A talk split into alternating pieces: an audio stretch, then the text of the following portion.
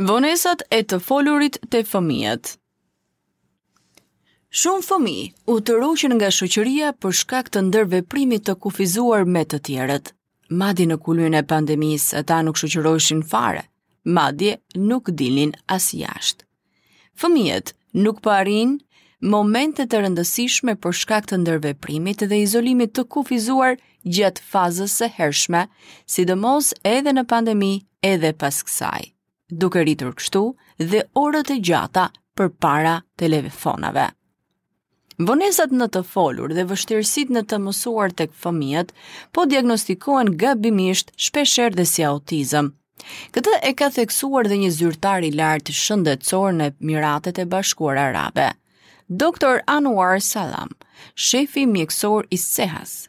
tha në konferencën e 16 ndërkombëtare të shëndetit të pediatrisë në Abu Dhabi se fëmijët humbën momente të rëndësishme për shkak të ndërveprimit të kufizuar me bashkëmoshatarët e tyre dhe shkollimin në internet gjatë fazës së hershme, sidomos të pandemisë.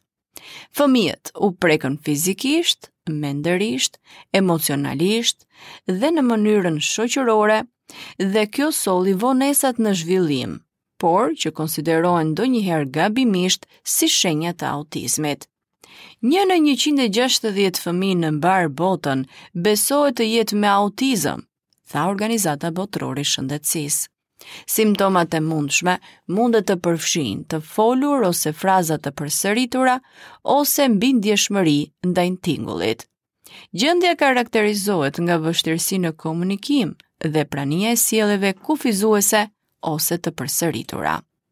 Doktor Salam tha se ndërhyrja e menjëhershme është e rëndësishme, por prindërit nuk duhet të presin që situata të përmirësohet brenda natës. Fjalë për fjalë, të gjithë dhe veçanërisht fëmijët janë prekur nga pandemia. Tha ai për The National, Fëmijët po kalojnë më shumë kohë përpara kompjuterave. Ne kuptojmë se është për të mësuar, por ne e dimë se një mënyrë jetese e ullur mund të çojë në obezitet dhe në fëmijëri me çrregullime të tjera.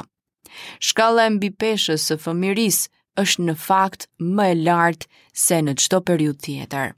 Në një studim të marsit të vitit të kaluar nga Ministria e Shëndetësisë dhe Parandalimit, anketoi 27.754 prindër dhe zbuloi se nxënësit ishin 46% më pak fizikisht aktivë sesa përpara pandemisë.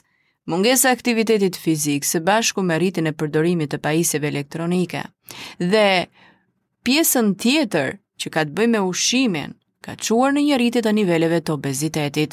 theksoi studimi. Kjo është vetëm një mënyrë se si pandemia preku fëmijët, tha doktor Salam.